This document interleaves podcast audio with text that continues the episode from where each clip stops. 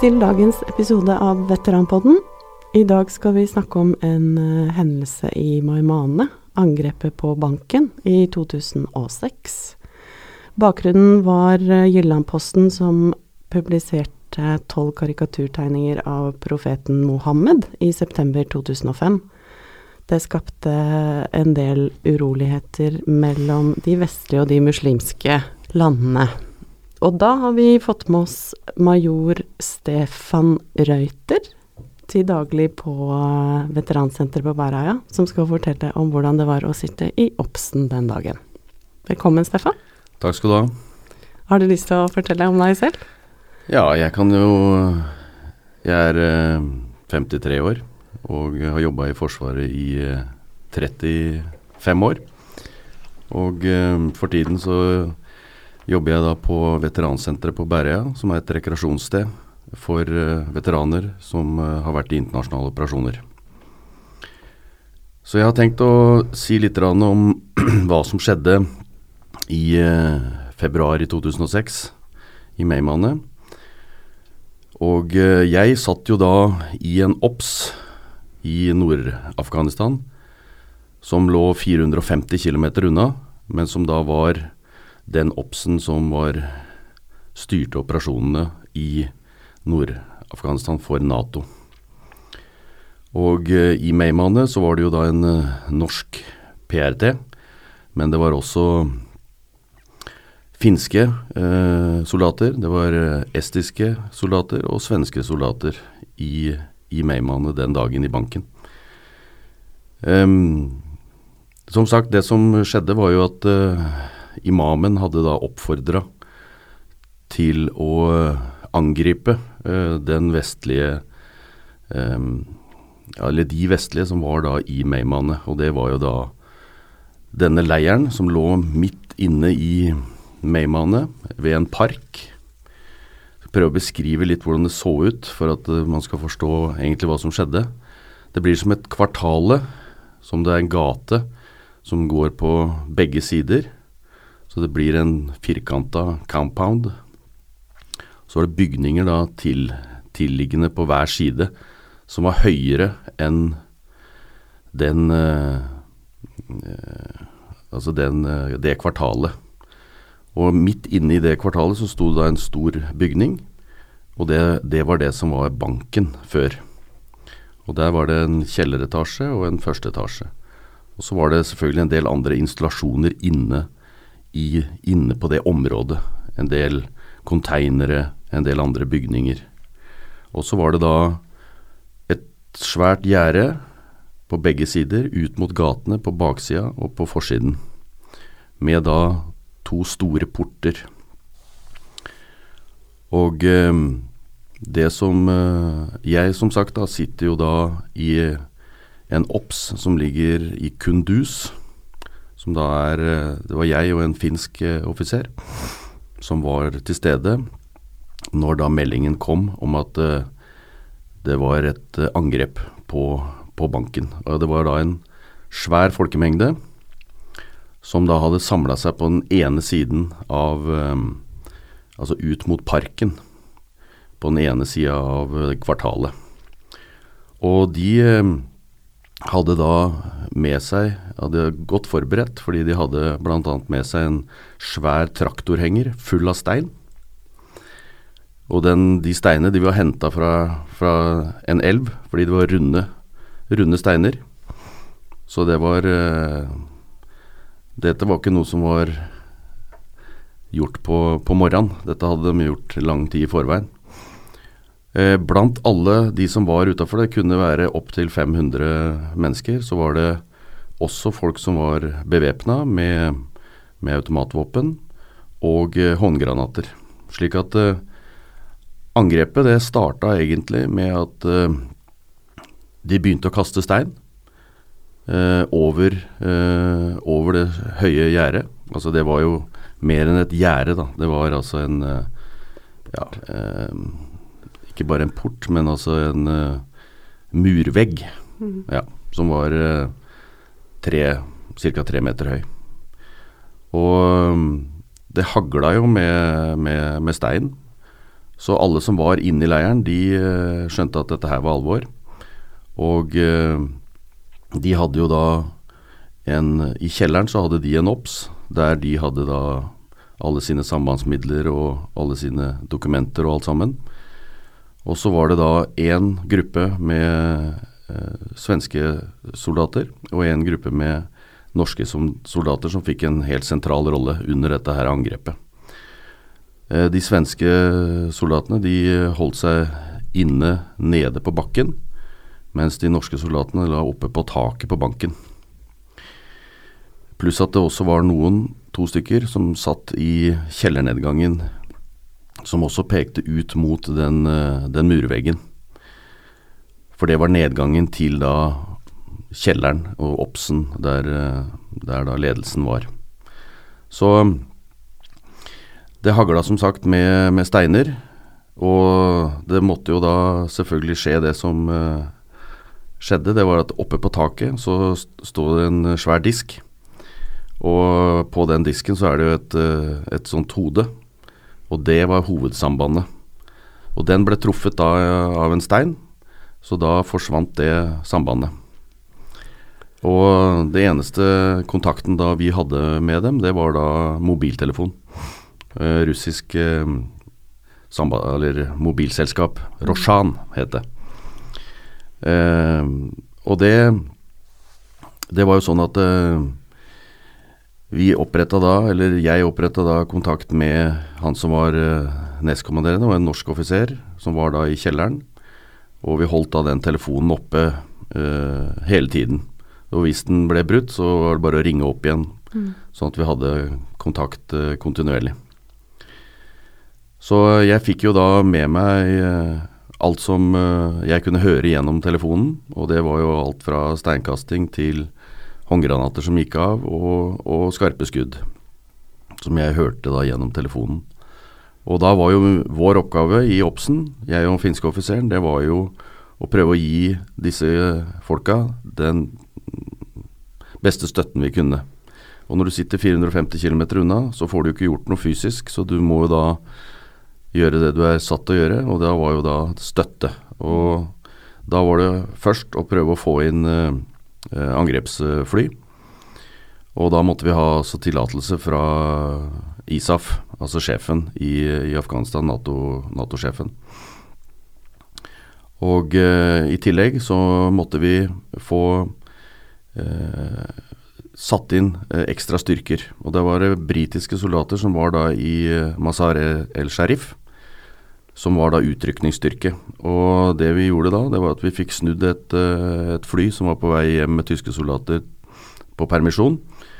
Det fikk vi snudd, og fikk det da tilbake til, til Mazar el-Sharif. Fikk da lasta de litt uh, sure tyske soldatene, og lasta inn da to kjøretøy og, og, og, og eh, britiske soldater. Det ble jo ikke så mange, eh, men det var det vi klarte å få til. Når, altså alt dette her foregår jo samtidig, og alle soldatene som var i Meymaneh som hadde De var jo alle godt i stilling, for å si det slik. Altså mm. både på baksiden og forsiden og på taket. Mm. Og det som eh, ble da med, med angrepsflya, det var det at eh, vi fikk altså og, dem til å fly over først, for å på en måte markere eh, styrke. Eh, og deretter så ble det da skutt eh, varselskudd. Og det ble da skutt utafor eh, byen. Og når de skjønte, altså når folkemengden skjønte at de ikke ville bli skutt på, fordi først så spredde de seg, eh, men når de skjønte at de ikke ble skutt på, så, så kom, de kom, de bare tilbake. Mm. Eh, så det hadde altså ingen effekt, eh, den eh, Fordi at man kunne ikke altså skyte på den folkemengden med, med jagerfly. Det er helt uaktuelt. For der var det altså det var jo stort sett bare menn, men altså i, fra små gutter til mm. gamle gubber som var i den folkemengden. Eh, så det når dette her, her, pågikk, så hadde jo jeg da uh, hele tiden telefonkontakt da med, med han som var uh, nestkommanderende. Og i tillegg så hadde jeg kontakt med, med feltpresten, som var i, i kjelleren, og også uh, legen. For når dette her pågikk, så ble det jo ble det skutt med skart fra parken og opp på taket. Og det ble kosta håndgranater. Og en av håndgranatene, eller det var vel kanskje to, de endte nede i den trappa der det satt to soldater. Mm. Så de ble lettere skadet. De fikk splinteskader i beina. Oppe på taket så var det en som fikk et uh, skudd gjennom hjelmen. Uh, traff uh, hode, hodebunnen, så han fikk en, eh, fikk en ny sveis. Men eh, han, eh, han Når han da ble truffet, så løp han ned i kjelleren. Legen så på han og sa at greit. Og så var det opp igjen på, på taket og fortsette å forsvare, forsvare banken. Mm.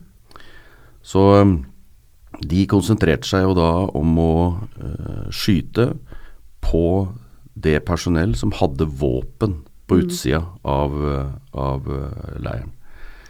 Og mm, det Jeg tror at eh, de hadde en, en fire til fem mann som de traff og drepte på utsida. Og når det gjelder de svenske soldatene, så gjorde de en helt fantastisk oppgave, de også. De var på innsida av porten og, og uh, muren. Og de hadde uh, gummikuler i eh, ammunisjonen sin.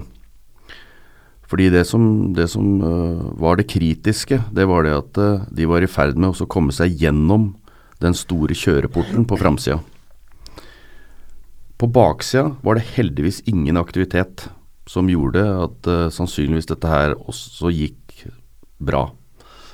Så hver gang det var noen som prøvde å komme seg gjennom porten, for den ble jo da revet opp, så skjøt de da med gummikuler, men da kun mot de som da prøvde å komme seg inn. Og eh, ikke sant, her, dette kunne ha blitt en massakre hvis eh, både de norske soldatene som lå på taket, og de eh, svenske soldatene hadde skutt med skart og da ut i folkemengden. Så jeg vil jo si at uh, den, den innsatsen som ble gjort, da, den var ekstremt profesjonell. Det er liksom det som sitter igjen etter det, etter det angrepet. Og det som også redda situasjonen, var at man tok en av bilene eh, man hadde, stående inne i, i compounden, fikk den mot eh, porten. Den ble eh, påtent. Eh, hvordan det skjedde er jeg litt usikker på.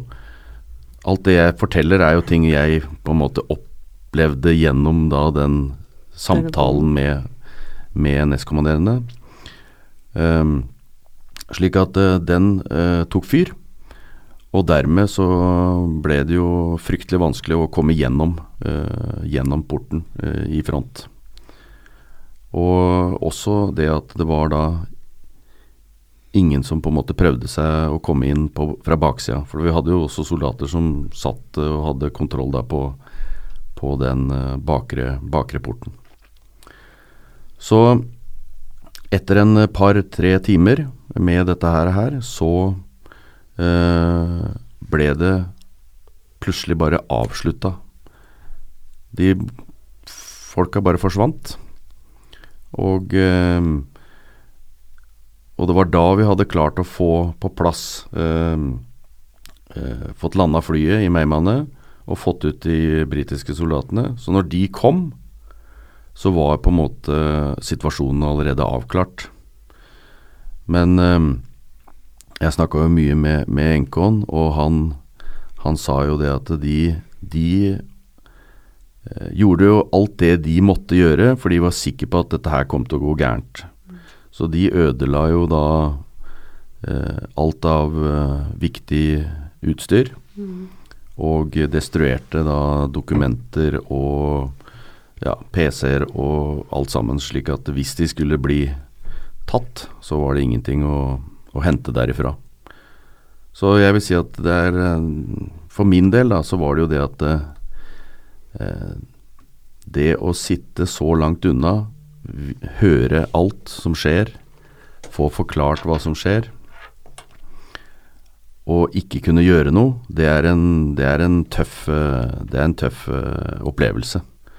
Så det er på en måte det som er stabsoffiserens eller oppsoffiserens dilemma, da. Det er at du gjør alt du kan uten at du fysisk Du vil jo helst ha vært der sjøl mm. og kunne kontrollere situasjonen da. Og gjøre noe fysisk. Men det, det gikk ikke. Men heldigvis så gikk dette her uh, veldig bra. Og uh, jeg dro til uh, Meymannet noen dager senere og fikk se på hvordan, de da, hvordan det så ut. Og det var altså Ja, det var tusenvis av stein. de hadde selvfølgelig begynt å rydde ut masse. De måtte reparere porten. De bygde nye stillinger både på tak og i, i og foran kjellerinngangen, og de satte på en måte Ble jo ekstremt høy beredskap da, etter dette. Men det kom aldri noe flere, flere angrep. Eh, og eh, senere så ble jo også da leiren flytta ut til flyplassen på, i Meimane. Altså vekk fra sentrum av, av byen. Det var jo en konsekvens av det, av det angrepet som skjedde. Så totalt så ble det vel en uh, tre til fire skadde. Uh, og uh, ja, det resultatet Og mange av de soldatene som var med der, de har blitt dekorert for sin innsats under det angrepet. Yes. Og du, da? Med telefonrøret i hånda? Ja, nei, jeg, jeg, eh, gjorde, jeg gjorde, jobben min. Mm. Uh, og det er jo slik at uh, det er jo de som er på Det er jo de som er på stedet, mm. som uh, og som er i faktisk i strid, som som blir dekorert. Men hadde litt puls når du la på røret den dagen, kanskje? Ja, det er vel det er jo det absolutt heftigste jeg har vært med på. Eh, jeg har jo vært i eh, Libanon og Kosovo og opplevd ting også der. Men eh, Og da som nærmere på kroppen. Men jeg vil si at den episoden der, den, den sitter godt i. Og det er Når du sitter og prater om det nå, så kjenner du, kjenner du på følelsen. Mm. Så det er, det er heftig. Hadde du din egen debrief med han finske makkeren, kanskje? Ja, det hadde vi. eh, det er jeg litt usikker på om jeg kan fortelle om. det skal du først slippe. Nei, vi, eh, vi hadde jo ikke lov til å uh, drikke alkohol i Afghanistan. Men den kvelden, da gikk det ei halv flaske whisky. Ja. Jeg og finnen. Det er vel det føler at det er innafor, kanskje. Det var innafor. Ja. Når var det du var tilbake, sa du, og så på stedet? Ja, det var eh, noen dager etter. Jeg husker ikke helt eksakt, men altså De holdt på å, å, å fikse leiren da, etter, etter, angrepet, når vi var der. Så da fløy vi fra, fra Kunduz da, og til Mehman. Var det godt å se de gutta som du hadde snakka med og ja, det var, eh, det var veldig ålreit. Vi møtte faktisk eh, altså de som da eh, var på taket. Det var jo da norsk, et norsk team fra Navy. Og de møtte vi på flyplassen, så vi fikk snakka litt med dem. Og også sykepleieren som, som var med dem. Uh, og så kom vi jo da inn i leiren. Da, svenskene de var jo da reist. De var jo ikke der, de var jo tilbake i campen sin. Men det var veldig ålreit å få hilst på de gutta som uh, hadde vært på taket. Og selvfølgelig også da snakka med de som da var i Obsen, da. nestkommanderende og, Mm. og legen. Feltpresten han var eh, ikke til stede, ikke det jeg kan huske i hvert fall. Ehm, sitter du igjen med en god følelse av at eh, det var verdt å Hvor lenge var du der? Seks måneder? Er seks måneder, ja. Mhm. Mm. Det var først tre måneder i, eh, i Kunduz, og så flytta vi da Obsen til eh, Mazar el Sharif, til eh, Camp Marmal, som det het. Det er et svært fjell som ligger rett ved, ved Som heter Marmal, så da ble den campen hetende det. Hva tenker du om eh, situasjonen i Afghanistan i dag, da? Så mange år etterpå? Eller har du ikke lyst til å si noe om det? Jo da, jeg kan godt uh, si det. det. Jeg tror det at uh, situasjonen er ikke noe bedre nå. Uh, sannsynligvis verre.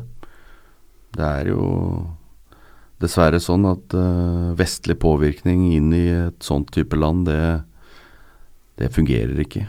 Altså, de har et stammesamfunn som som de skal få lov til å ha, tror jeg. Det nytter ikke å presse vestlig demokrati og, og levesett på, på, på et eh, sånt folk. Det har vært prøvd i mange hundre år. Både briter og russere og Nato og amerikanere har prøvd det. Så det um, er det noe du Det er jo en voldsom episode, men sitter du igjen med noen uh, gladhistorier fra tiden din i Afghanistan som du har lyst til å fortelle om? Ja, altså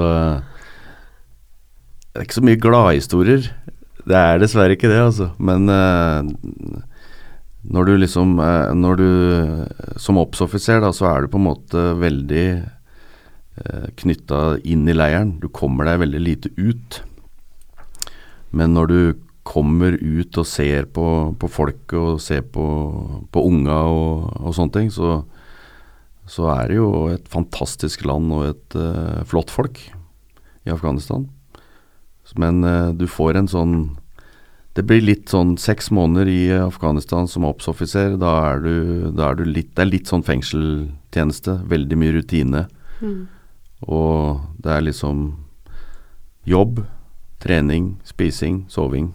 Og sånn, sånn går det. Mm. Så det er greit å dra hjem etter seks måneder. Er det mange Afghanistan-veteraner som kom på Bæreia? Ja, det er det. Eh, det er eh, selvfølgelig ikke majoriteten av eh, de som er der. Det er nok Unifil-veteraner og, og Junprofor, eller altså Bosnia, tidligere Jugoslavia.